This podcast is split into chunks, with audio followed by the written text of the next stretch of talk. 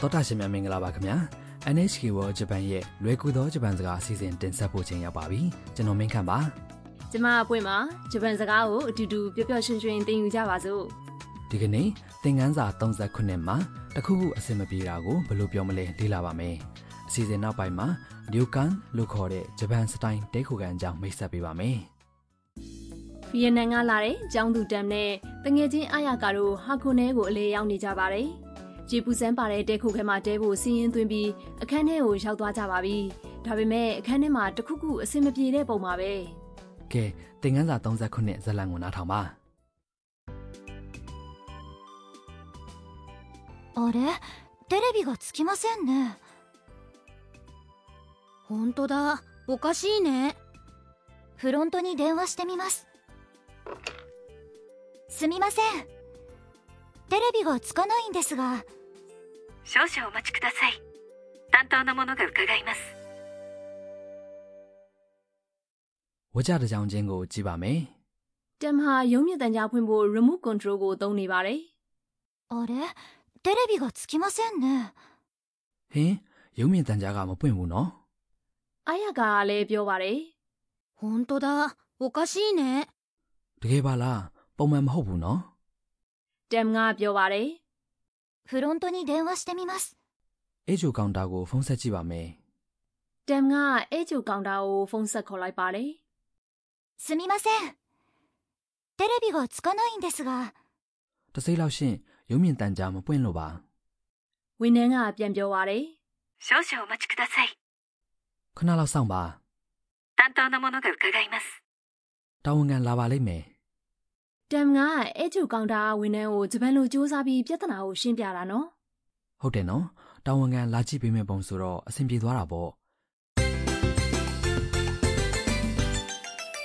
။ဒီကနေ့အတွက်အဓိကအသုံးတော့က テレビがつかないんですが ရုံမြင့်တန်ကြားမပွင့်လို့ပါဖြစ်ပါတယ်။ဒီပုံစံကိုသိသွားပြီဆိုရင်တစ်ခုခုအဆင်မပြေတာကိုပြောပြတတ်သွားပြီဖြစ်ပါတယ်။အဓိပ္ပာယ်တွေကိုကြည့်ပါမယ်။ テレビ ဆိုတာ TV ရုပ်မြင်သံကြားဝိဘတ်ကကကတ္တာကိုညွှန်ပြတာဖြစ်ပါတယ် つかない မပွင့်ဘူးဆိုတာက つく ပွင့်တယ်ဆိုတဲ့ကရိယာရဲ့ night ပုံစံပါ night ပုံစံကရိယာဆိုတာ night နဲ့အဆုံးသတ်တဲ့အငင်းပြပုံစံကရိယာဖြစ်ပါတယ်ဒီကနေ့အတွက်အဓိကအချက်က つかないんですが မပွင့်လို့ပါဖြစ်ပါတယ် night ပုံစံကရိယာမှာ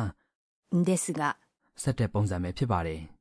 တစ်ဖက်လူကိုကိုယ့်ရဲ့အခြေအနေကိုရှင်းပြပြီးသူ့ရဲ့တုံ့ပြန်မှုကိုရယူလိုတဲ့အခါမျိုးမှာอืมဒဇငါကိုသုံးတယ်လို့သင်ငန်းစာ19မှာတော့ကလေ့လာခဲ့တယ်နော်။အဲ့ဒီသင်ငန်းစာမှာတော့ကတေဖုကုရိုကဟိုရှင်းဒဇငါလက်အိတ်လူချင်းလို့ပါဆိုပြီးပြောခဲ့တာနော် ဟုတ်တယ်ဒီသင်ခန်းစာမှာတော့ mm this ကရဲ့ရှေ့မှာကရိယာရဲ့ night ပုံစံထည့်ထားတဲ့အတွက်မျောလင့်ထားတဲ့အတိုင်းလက်တွေ့ဖြစ်မလားလို့အဆင်မပြေဖြစ်နေတဲ့အခြေအနေကိုဖော်ပြပါတယ်ဒီကနေ့အတွက်အဓိကအသုံးတော့မှာ テレビがつかない ရုံမြင့်တန်ကြားမပွင့်ဘူးဆိုတာကအဆင်မပြေတဲ့အခြေအနေကိုဖော်ပြပါတယ်တမ်ကအဲ့ဒီနောက်မှာ mm this ကပေါင်ပြီးပြောလိုက်တာကြောင့်အေဂျိုကောင်တာကလူလွတ်ပြီးဖြည့်ရှင်းပေးဖို့ဖြစ်လာတာပါ ။တရရှင်တို့နားထောင်ပြီးအနောက်ကလိုက်ပြောကြည့်ပါ။ဝါကြအဆုံးမှာအတန်ကိုချပြီးပြပြပြမြောင်နဲ့ပြောကြည့်ပါ။ テレビがつかないんですがテレビがつかないんですがテレビがつかないんですが တရရှင်တို့ပြောလို့ရကြတယ်နော်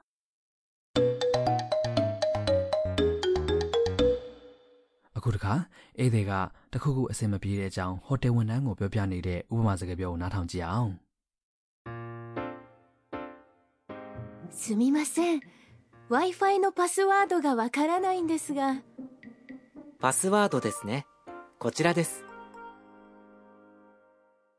အဓိပ္ပာယ်တွေကိုကြည့်ပါမယ် すみません w i f i のパスワードがわからないんですが တစ်စိမ့်လောက် Wi-Fi password မသိလို့ပါ Wi-Fi password မသိလို့အဆင်မပြေတာမျိုးခဏခဏဖြစ်ပူတာပေါ့နော် w i f i ဆိုတာက Wi-Fi パスワード ဆိုတာက password ပါ わからない ဆိုတာမသိဘူးလို့အဓိပ္ပာယ်ရပြီးကရိယာ わかる、 သိတယ်ရေနိုင်ပုံစံဖြစ်ပါတယ် パスワードですね。こちらです。 password လားဒီမှာပါ こちら、 ဆိုတာဒီမားလို့အဓိပ္ပာယ်ရပါတယ် တရရှင်တို့နားထောင်ပြီးနောက်ကလိုက်ပြောကြည့်ပါ パスワードがわからないんですが。Wi-Fi のパスワードがわからないんですが、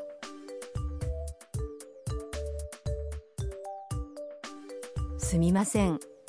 Wi-Fi のパスワードがわからないんですが、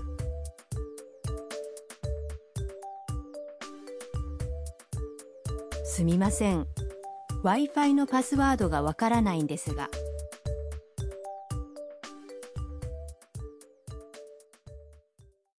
ဝါကြကနည်းနည်းရှိပေမဲ့တရရှင်တို့လိုက်ပြောလို့ရကြမယ်ထင်ပါတယ်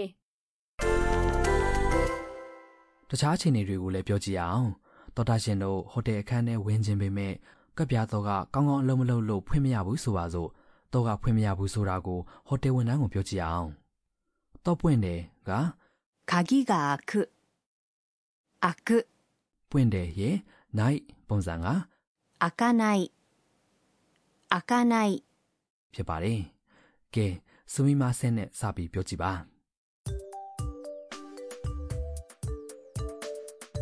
すみません鍵が開かないんですが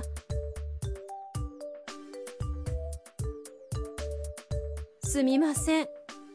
鍵が開かないんですが တရရှင်တို့ပြောလို့ရကြတယ်နော်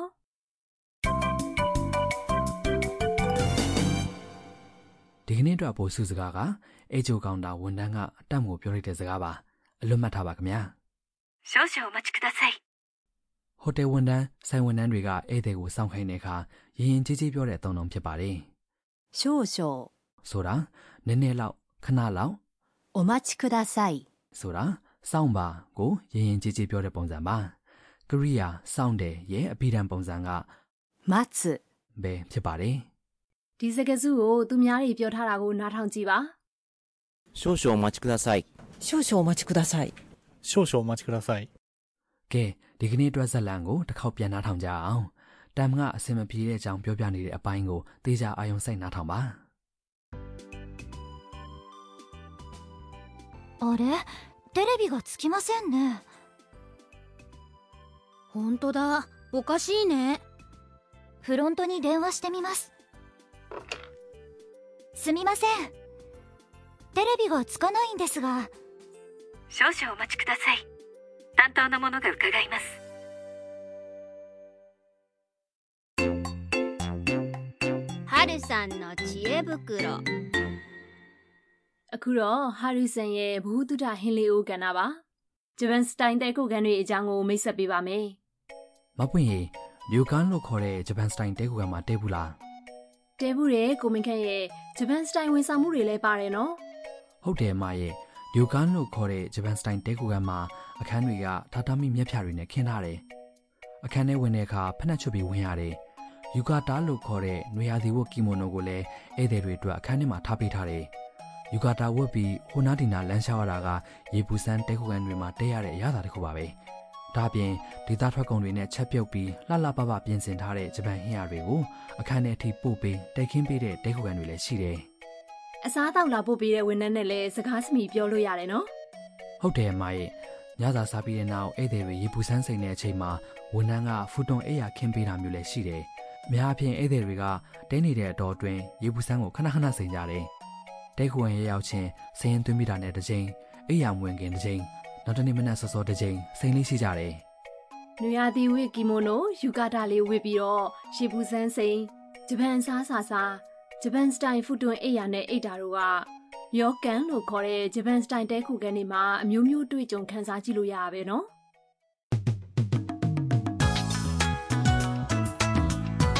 ။သောတာရှင်တို့ဒီကနေ့ရဲ့လွယ်ကူသောဂျပန်စကားအစီအစဉ်ကိုနှစ်သက်ကြမယ်ထင်ပါတယ်။ နောက်လာမယ့်သင်ခန်းစာမှာတန်နဲ့အာယာကာတို့အာရှိနိုကိုရေကန်မှာအပျော်စီးသင်မောစီးတဲ့အကြောင်းကိုတင်ဆက်ပါမယ်နောက်တစ်ပတ်မှာပြန်ဆောင်ကြမယ်နော်